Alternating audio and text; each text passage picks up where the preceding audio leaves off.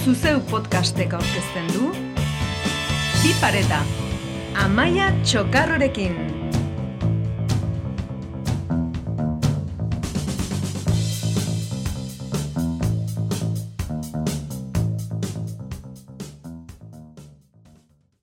Zenbatetan jarri gara ispilu aurrean eta gorroto egin dugu honek islatzen zigun irudia.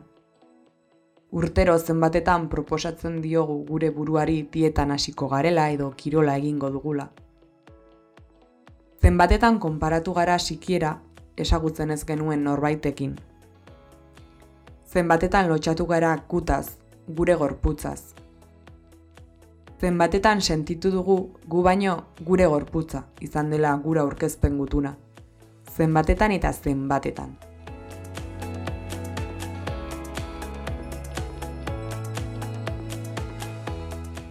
Txikiak garenetik, heldu izan arte maiz izaten dugun barne gatazka bilakatzen da.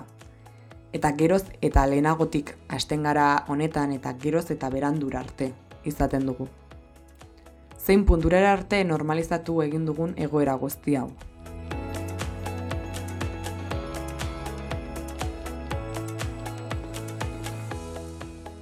Gure gorputza mundu honetan zehar bidaiatzeko bakoitzaren garraio bidea da.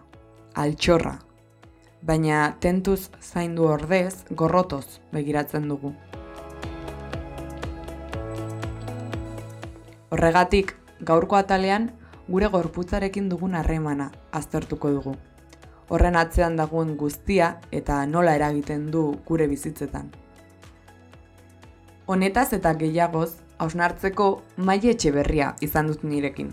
Bera nutrizionista da eta sare sozialen bitartez nutrizioaz, delikaduraz, gorputzaz eta beste zenbait gaien inguruan hitz egiten du.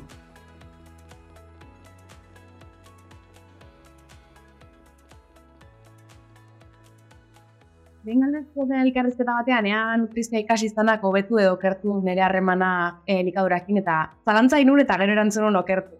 Eta uste e, nutrizia ikasi deunok orokorrean, ateratzen gehala unibertsitatetik sartu ginana baino okerrago. Baino egia da, nei e, lehendabiztiko mailan adibidez e, anatomia ikasi ererun, eta anatomia ikasteak intzean kriston kontzientzia hartzean ere gorputzak zeuzkan mekanismo guztietaz, eta hor bai egontzan autoestimarako la plus bat bezala baino oroar karrerakin esango nuke kontrakoa. Osa, lortu dula nire harremana okertzea bai gorputzakin eta bai elikadurak.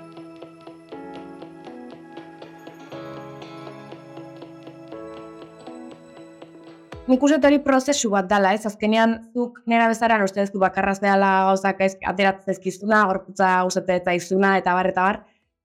Baino bada dimat ez detena hainbeste partekatu ez, eta gero adinean aurrera junala, aztesteanean partekatzen konturatzen zea denok egon gehalan puntu erdinean, eta osa berazgarrea da puntu hortara iristea, ze azkenean ba, sostengat ez daitun sare bat sortzen dezu nola baitez, e, orokorrean oso bezke gaude. Kontua egiten degula ondo gaudela bezala. Orduan, partekatzen aste horrek asko lagundu dit eta eta orokorrean jendeak harremantxarra dauka bai elikaurakin eta egorputzakin. Baino hori partekatzeko adina, uste dut beharko genukena baino berandu goazten dela. Orduan, badagola adin kritiko bat berezikin erabezaroan eta unibertsitateko lehenengo urtetan zuk bakarrik sufritzen dezuna eta puf,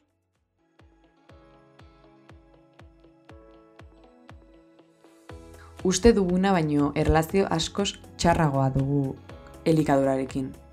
Gure haurtzarotik sortzen goazen erlazio bat da, eta normalizatuta ditugun milaka joeras osatzen duguna. Batzuk gure gurasoek helarazten dizkigutenak eta beste batzuk inkonstienteki jasotzen ditugunak. Hain da horrela, mundu mailan elikadurarekiko erlazio txarrak eta dieta ez osasuntxuak eriotza tasaren arrazoi nagusienetariko bat direla. Tabakoari gailenduz, gaur egun. Eta bestetik, beti ere gizarte honek esartzen duen gorputz normatibo horretan, sartzen ez garen pertsonok, latz sufritzen ditugun beldurrak, deserosotasunak, gorputzarekiko konplexuak eta lotxak daude.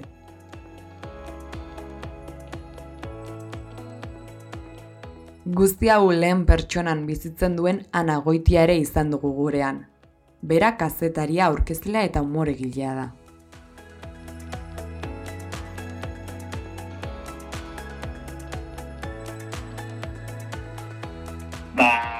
gizarteak jartzen dituzen e, kanon horien barruan dauden gorputzak, ez da? Hau da, gizarteak suposatzen dena onartzen dituenak. Horiek dira. Ez? Ondo ikusita daudenak. Gaur egun izango litzateke, ba, gorputz argal bat. Hori da, gorputz normatibo bat. Gizarteak e, bere normen barruan sartzen duen hori, ez? Ondo dagoela esaten duen hori. Naiz eta horrela zitzen, klar.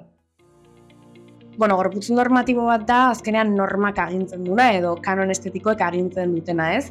eta hori historian zer aldatzen junda. Ba, gura monen garaian e, pertsona lodiak edo, bueno, gaur egun loditzat daudenak e, zian atraktiboenak, suposatzen zulako, estatus ekonomiko bat eukitzea, eta bar, eta bar. Gero kanoroik aldatzen jundia, pasaginan 2000ko amarkadan oso oso gorputar galak eukitzetik eta ez praktistan eta bar, eta bar.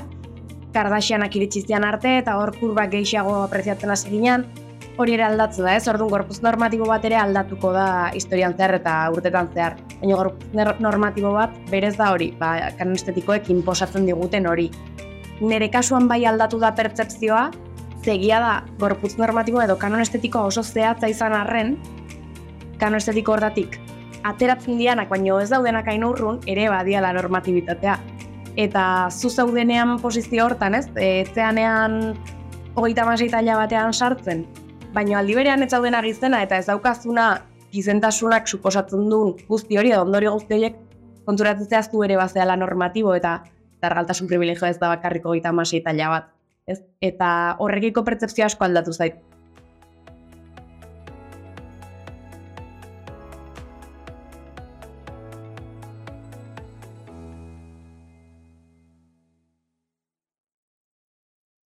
E, zer da, gaur egun e, modan dagoela dieten asuntua, ez? Azkenean, e, nik uste dietaren kultura oso barnerateta dugu duela urte batzutatik ona, eta horrek da kalte egin diguna, ez? Dieta bat izan beharra, dietak ez dira onak, sekula, ez? Osea, e, e, habito batzuk hartzea, bale, ondo, baina dieta bera, hitza, ez da ondo, azkenean zure buruari prohibitzen dira kausa batzuk, ez dira zertan proibitu behar ez, gauza da jakitea nola jan edo abarrez. Eta nik dietaren kultura horregatik, ba, bueno, argaltasuna modan jarri dela. Zenbat eta argalago, hobeto, zenbat eta kirol gehiago egiten duzu, hobeto. E, zenbat eta fibrosoago egon, hobeto. Zure gorputza zenbat eta grasa gutxiago izan, hobeto. Eta gero modak berak ez, e, pasareletan da ikusten ditugun modeloak ez, zergatik edo dituzte igual estremo horretara ez. Ba, igual behar bada, bertan modan egon diren e, diseinatzaileak eta horrek, askotan, ez konturatzen gara, baina nik horretan askotan konturatzen ez txikitatik gainera. Askotan gizonezkoak direla bai diseinatzaileak ere. Eta behar bada beraiek ez, jartzen zituzten kanon horiek, eta e, emakumean nahi aldanik ekstremoena izatea ez.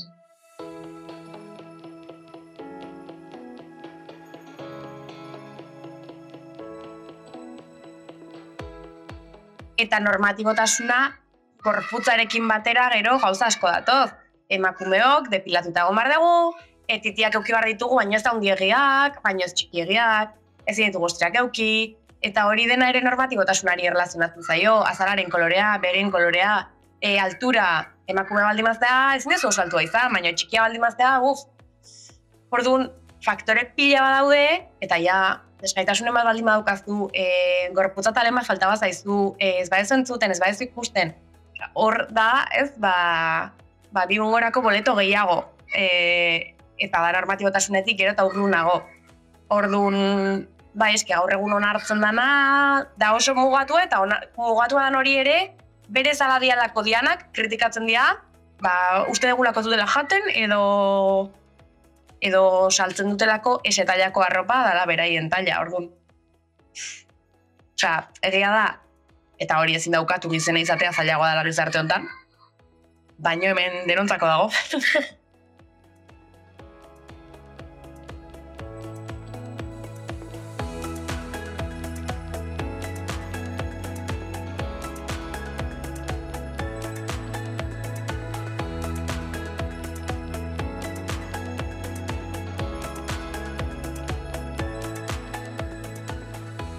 daukagun korpuzen ganako eh, obsesioa, ez? Lehen berba da zegoen egin beste, eta orain obsesio hori dago e, korputzarekin, Horrein, e, daukaguna lotuta da, e, beti, loditasuna, edo osakiloak eta osasuna guztiz lotuta, beti ez? Nik azten da zenen kiloi buruz egiten, eta horrein, atera dut gai horregatik. Beti osasuna esaten da, baina zure osasunerako, zure ze importazio zure osasuna, ez? Ire osasun mentala, e, zu oso preocupatuta bazaude berekin, ez oso arduratuta bazaude, ba, igual arduratu bazan nire osasun mentalarekin. Zer, azkenean osasun mentala da garrantzitsuena beste guzti ondo joateko burua ondo behar da, ez? Eta komentario batzukin eta horrelako gauzekin egiten duguna osasun mentalari kalte Osa, zu zeu osasunari begira, baina ze osasunari begira. Zu zer dakizun dizo osasundokoan, ni ze analizi dauzkadan, ni noraino doltzen azen, ez zuk ez dakizu gaina, ez daizu importantu bat zeko, zure bizitza ez da nerea, eta nizako dut, ni gorputzarekin zer egin behar du da. Ez? Osa, gero lodia izateagatik uste du jende guztiak eh, iritzi bat eman dezakela nire buruz, eta gaina gomendioak eman aldizkidala, ez?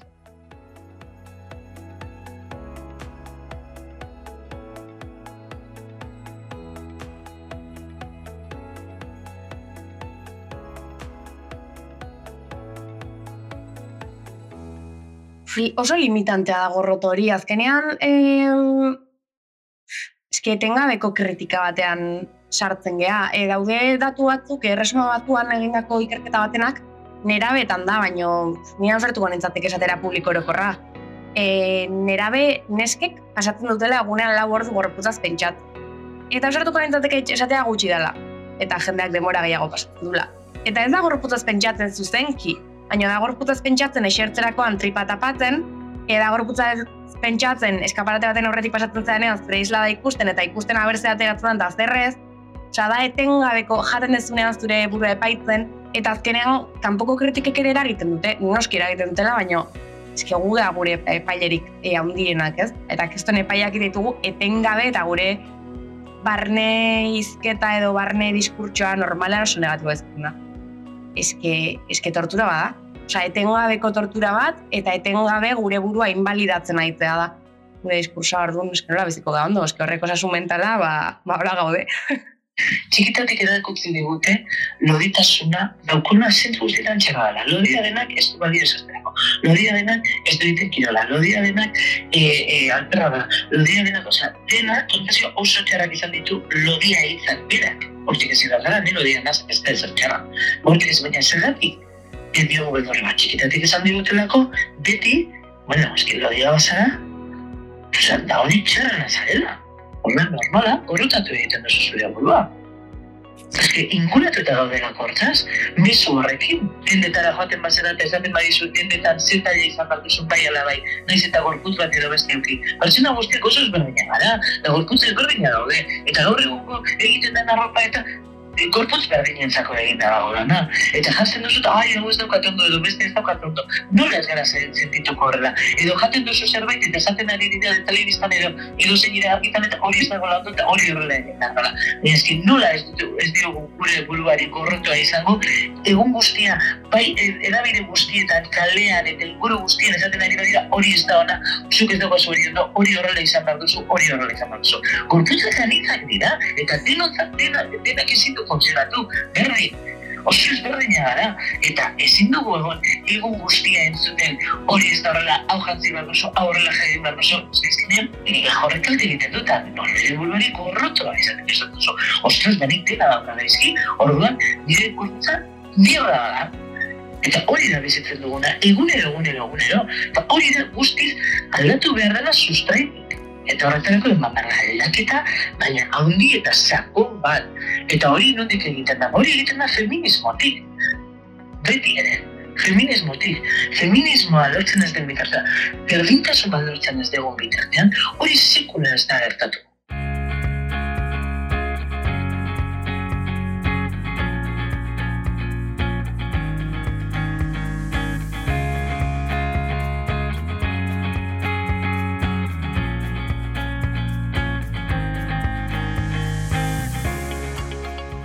Pertsonak izenak etengabeko borroka batean bizi dira. Momentu oro, euren osasuna, ohiturak eta nortasuna asmatu, asumitu eta epaitzen dira. Gizentasunari diogun beldurra eta korrotoa egiturazkoa da. gizarte honen egituran aurkitzen da, eta egunerokotasunean jasaten duten zapalkuntzan nabari da. Bizitza ez baitago haien begietatik sortua. Gure egunerokotasunean euskago bidea traba. E, e, dara zeraten e, jartzera zoazenean, edo ez dakit, yoga egitera joan eta ezin egin ba, postura batzuk zergatik. Ba, argalentzako pentsatuta dauden postura egin. igual beste zerbait pentsatu da konsulo dira. Edo nola, edo zin kasuta, Egunero ez daudela guretzako egin da gauza asko, ez? Korpuz normatibo egin da delako.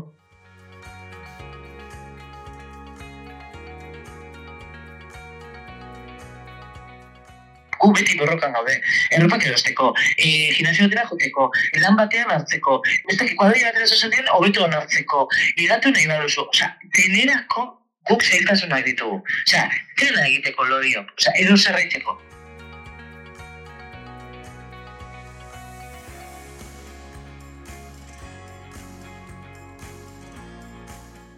Gara, egia da, nik ez dut esaten eh, argalek ez duten nik baidatzen dago eta gaina, eh, nik eh, beti esaten da gana mm, nik taila guztiak defenditzen ditu dara. Zuri zeizu gustatzen zurekin sartzea ez, lodi zaudelako, ba, bederekin ere ez. Osea, hemen ez da norgiagoka bat. Hemen da guztionzat eta guztiok onartuta egotea argalenetik edo txikienetik lodiro altuen arte zaila guztiak onartzea.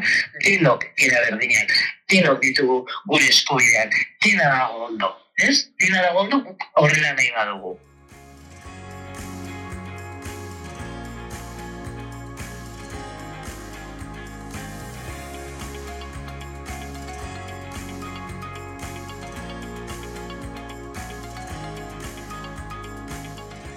Argi dago emakumeok presio estetiko askoz handiago bat sufritzen dugula.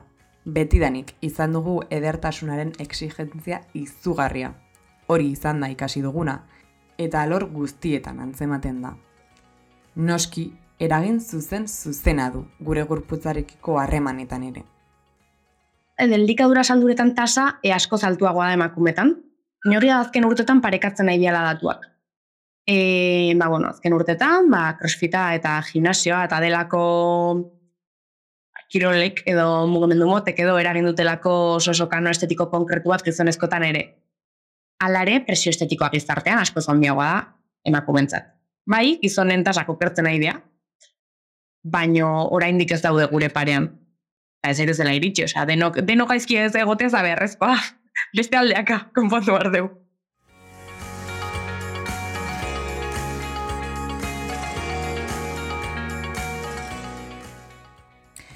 Elikadurarekiko eta gorputzekiko harreman toksikoak hain orokortuta dauden zerbait izanik, harrigarria da nolatan oraindik ezkaren egoerari buelta emateko kapazak izan, gorputzekiko obsesioak baretzeko. Eta aldiz, gero eta mezu eta informazio suntzitzaile gehiago iristen zaigu gabe. Nork ez gaitu egoerari buelta ematen uzten. Da horrela ez irarelako, baina noski daudela interesak horratzean. E, dietaren kulturak, dietaren industriak mugitzen duen diru kantitatea milioiak eta milioiak dia urtero. jende asko da berazten horren kontura, ez? Gure den kontura, gure beldurren kontura, gure traumen kontura. Udara datorrenean, mundu guztiak operazioan bikini egiten dulako, eta jendeak probatzen ditulako argaltzeko produktuak, e, ezkontza garaietan jendeak fajak erosten ditulako, gaboren ondore mundu guztia barriro dietan osten jende asko aberazten da horratzetik. Eta, eta nolabait baita ere, bada errepresio modu bat, ez? E, bereziki emakumeetan, bada errepresio bat gehiago, orokorrean gizartean, baina bereziki emakumeengan, ze azkenean, e, ez dakitze autorek esatezun, ez? Emakumeok gure gorputzaz kezkatzen egiran bitartean, beste gatazka sozial batzutarako denborarik ez daukagula. Beraz, gu, kezkauta alima gaude, bi mitxelin atera zaizkigulako, ez geha kezkatuko pentsioak geisten ari diala, edo ez da kezkatuko kutsadura dagola oso oso gaizkirietan. Orduan, sistemari ere interesatzaio pakoitza berera egotea, eta ez mobilizatzea, ez saretzea, e, feminismoaren erronketako batek ere izan behar du hau ez, eta ustet badala gai zentraletako bat, eta bueno, lodifobia azken urtetan asko lantzen nahi dela, eta, eta oso positiboa irutzait, ze irutzait, benetan hau gainditzen degunean, eta urte asko beharko dira hau gainditzeko, baina benetan hau gainditzen degunean, eske denbora sobratuko zaigu. Osea, denbora sobratuko zaigu militatzeko beste espazio batzutan, e, beste problematika sozial batzu erantzuteko gozatzeko. Ba, ze jende askorentzat traumatikoa dauda, jende askorentzat traumatikoa dira piztinak, e, nartak, orduan, interes handia daude horratzetik, Baina, bueno, jongo da, pixka, nik uste, nik uste feminismoak zirrikitu bat irekidu hor, borroka handia falta zaion oraindik, baino pixkanaka jendea idala esnatzen. Azkenean, eh, hau guzti hau patriarkatu dator. Osa, azkenean da, gizonezkoek e, e, beti emakumean nolakoa den esan digutelako eta nola izan behar duen eta zer jantzi behar dugun eta takoiak eta hauta beste, ez? Egin bat, beraien begietarako bia izateko, suposatzen da. Zazik pentsa, esaten digute, denbora guztian, zer egin behar dugun arra egoteko, jarteko klima hau, antizelulitiko hau, ez da ura dator, kontu zibili, guztiri negozio bat da, dietaren kulturaren negozioa da. Dietaren kultura zer da, azkenean negozio hutsa da. Nahi duten da, dirua lortu. Nola, ez dakit nolako dietan milagrosoak egiten, ez dakit nolako patidoak, ez dakit proteinikoak, e, pastillak argaltzeko, e, kremak, guztiri negozioa da por supuesto, badago, ba, interes ekonomikoa. Eta interes ekonomikoaren barruan politikoa.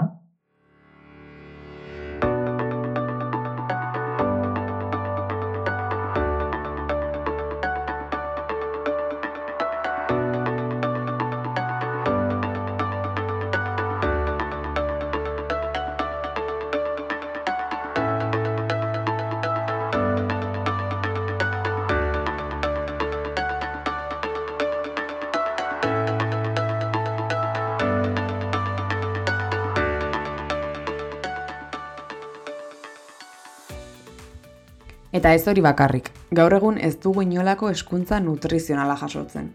Azken finean, osasun mentalarekin gertatzen den moduan, elikadura eta nutrizioak ez dira osasunaren parte nagusi gisa aitortzen.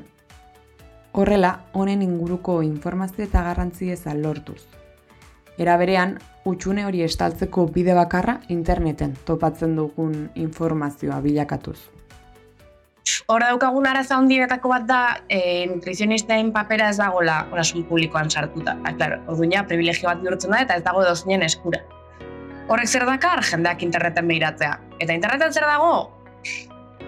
Gauza guai asko eta gauza ez da guai asko. Eta, klaro, kriteriorik gabe interneten informazioa bilatzen dezunean, pasar eskutxo izan daiteke. E, jende batek, kakotxen artean ondo egingo ditula gauzak, udara berira pixua galdu nahi izateko, Bai, baina nire ustetan arazoa hori da, ez zergatik galdu nahi ez pixua, ze ez dezu nahi osasunagatik galdu pixu. Eta hori errealitate bada, pixua galtzera dihoan, jendearen gehiengoa ez dihoa osasunagatik galtzera. Ze osasuna, ez da pixua osasuna dia, zuk egiten duzun ekintzak, edo zure oiturak. Eta zu jandezakezu, zakotxean artean osasuntxoago, mugitu zaitezke gehiago, eta ez argaldu, eta zu osasuntxoago zaude. Orduan, e, udaran aurretik desastre edanak.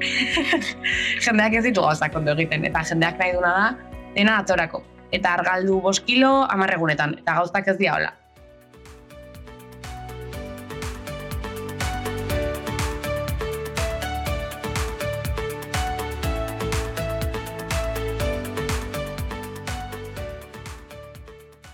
Zet, dagoela kriston beharra eskuntza nutrizionala eukitzeko. Ez ba, eskoretan ez dugu eukitzen eta ez dakigu.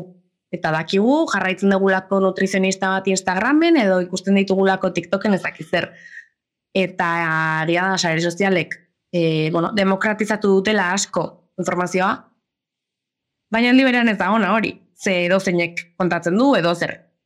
Eta um, uste batetik ikasi beharko genukela kritikoak izaten, entzuten dugun horrekin, eta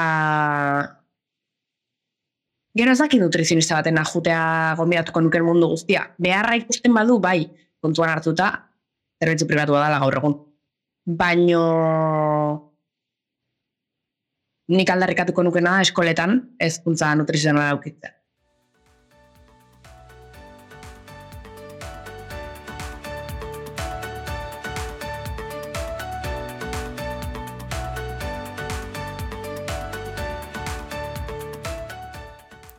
Gorputzak erdigune, elikaduraren inguruko joerak ez dira obsesionatzen gaituzten bakarrak kirolaren obsesioa ere oso ekoa da. Kirola eta mugimendua osasun on baterako ezinbestekoak dira, noski. Baino muturrera eramatea ere ez da osasuntxua. Osasuntxu egoteko egiteagatik gure itxura fisikoarentzako soilik egitera pasa. Obsesio bihurtuz gimnasiora joatea. Gaur eguneko arazoa da kulto al cuerpo. Osa, dena, dena egiten dugu gure gorputzari begira, den, den, dena. Dena da. Eta bai, obsesioa dago, lehimaino jende gehiago korritzen du, lehimaino jende gehiago crossfit, crossfit, ora, eh? oso ondo iruditzen zaidala. Hemen bakoitzak egin, eh, bezala nahi duena, baina ja obsesio hori, nor gehiago hori, bani boste egun juten naiz, bani zei, bani zazpi, gimnasioa, bani iru, bani... Dago, obsesioa, nor gehiago, eta gero, erreferenteak ez, jo, nortzen dira erreferenteak benetan, ostras, batzu, erreferente batzuk beldorra ematen dute, esan duzu. Ber, hori zin da izan zure erreferentea, pertsonari obsesionatuta dago.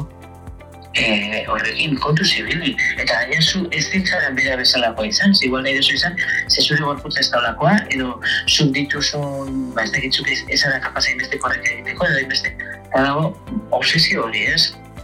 Gure aurtzaroan zehar orokorrean ez degula harreman osasuntxu bat ere ikitzen jardura fisikoa edo mugimenduarekin. Ba, soinketan egin arazten dizkigutelako lau bueltak horrika amagos minutuan eta ez bait amagos minutuan egiten suspenditze dezulako.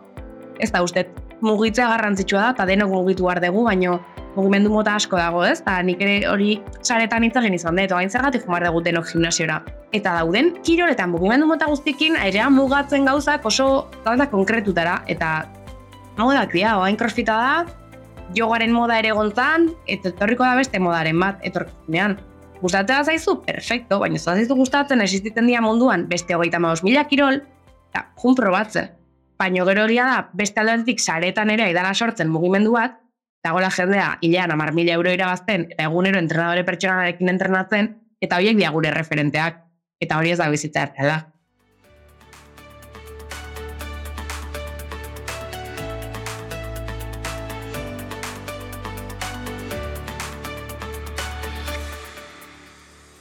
2000 eta amabigarren urtean, sare sozialen bitartez oso famatua egin zen body positive mugimendua. Aldaketa handia sortu zuen gizartean orokorrean, gorputzaren onarpen mesua zabaltzen baitzuen. Hain zuzen, honek gorputz fisikoaren ikuspegi positiboa aldarrekatzen zuen, edo zein forma, tamaina edo itxurarekin lotutako ezaugarri dituzula. Gorputza maitatzea esan nahi du, baita gizartearen estandarren arabera perfektua ez bada ere.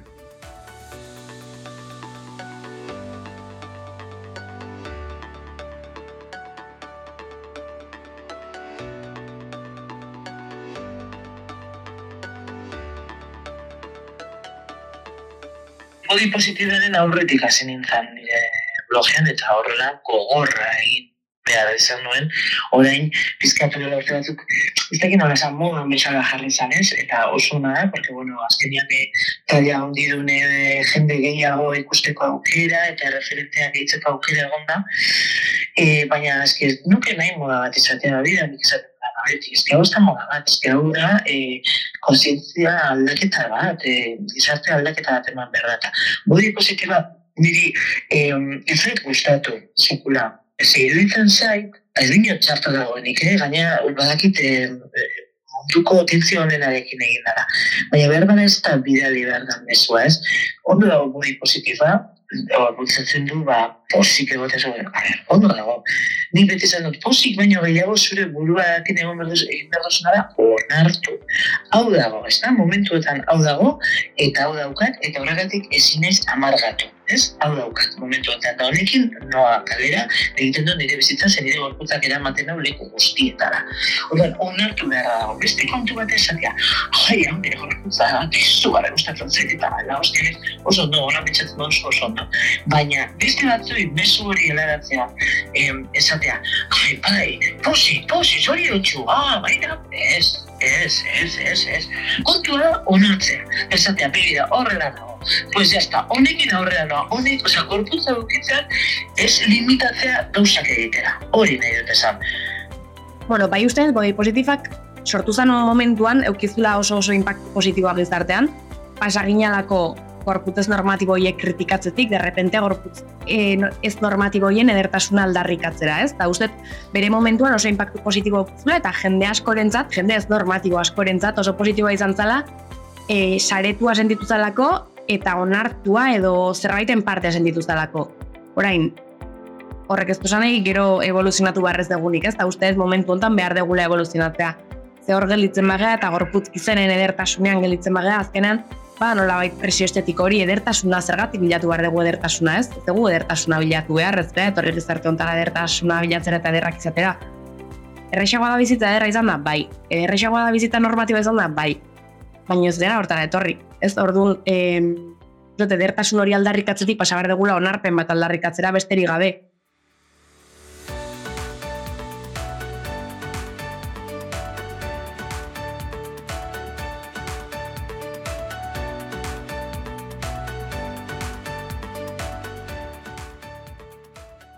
Gizarte gisa asko dugu oraindik aldatzeko eta ikasteko.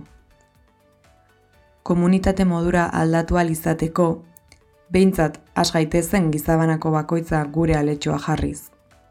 Gurea onartuz eta ondokoari errespetatuz. Munduaren edertasuna beste gauza txikiagoetan topatzen, obsesioetatik askatzen.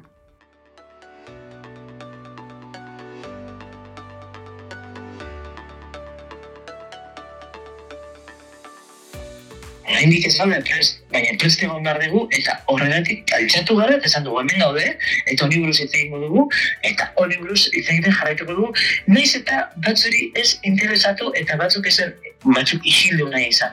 Ba ez, horrela jarraitu behar dugu, beste gauza asko egin bezala orduen, ba, ba lan asko dago egiteko, piak, baina egingo dugu. Batetik uste oso garrantzitsua dela, pertsonalki e, daukagun diskurtsoaz kontzientzia hartzea, ze askotan ez da kontziente gure buruari nola hitz egiten diogun, eta kontzientzia hartze horrek bakarrik jaklik batera egin du jende askorengan. Hori pertsonalki, eta kolektiboan, uste dut, em, hasi behar degula e, komentarioak mozten. Eta matxismoarekin aspaldi airean bezala, e, gorputzen inguruko iruzkinak daude oso oso egunerokotasunean eta oso normalizatuta eta ez dugu zer egiten horren kontra. Orduan, claro, zu etzea zuzenki interpelatua sentitzen, baino ez dakitzein kritikatzen bada taldean gizendu dudulako edo argaldu dudulako edo estensio jarri ditulako edo braketxak endu ditulako eske berdin zait, ez da zutazari baino izan zitekez. Eta oso zaila zer gizarte ez dago hortarako prest. Eta aztea, pues, duela, hogei urte matxismoarekin bezala ez, da, agua fiestas bat, eta jode brometan eginan, eta ja, baino ez dia brometako gaiak, eta hasi behar dugu mozten. Ze hori moztuko bagenu, uste gauzak asko aldatuko liazkela. Horrela bukatzen dugu gure gaurko hausnarketa. Onar ditzagun munduko anistasuna den bezala. Eta ikusi ditzagun gure gorputzak diren altxorra bezala. Mila esker bihotzez, ana eta maili, zuen jakintzak guztia gurekin partekatzeagatik eta mezu hain garrantzitsua aldarrikatzeagatik. Eta hemen denok eskubide berdina ditugula. Eta zorion izateko zeneko gauza ditugu bizitzan, ba, pena eta testura ekartzen digutenak, eta gorputzak ezin gaitula atzean, zi, aurrean baino.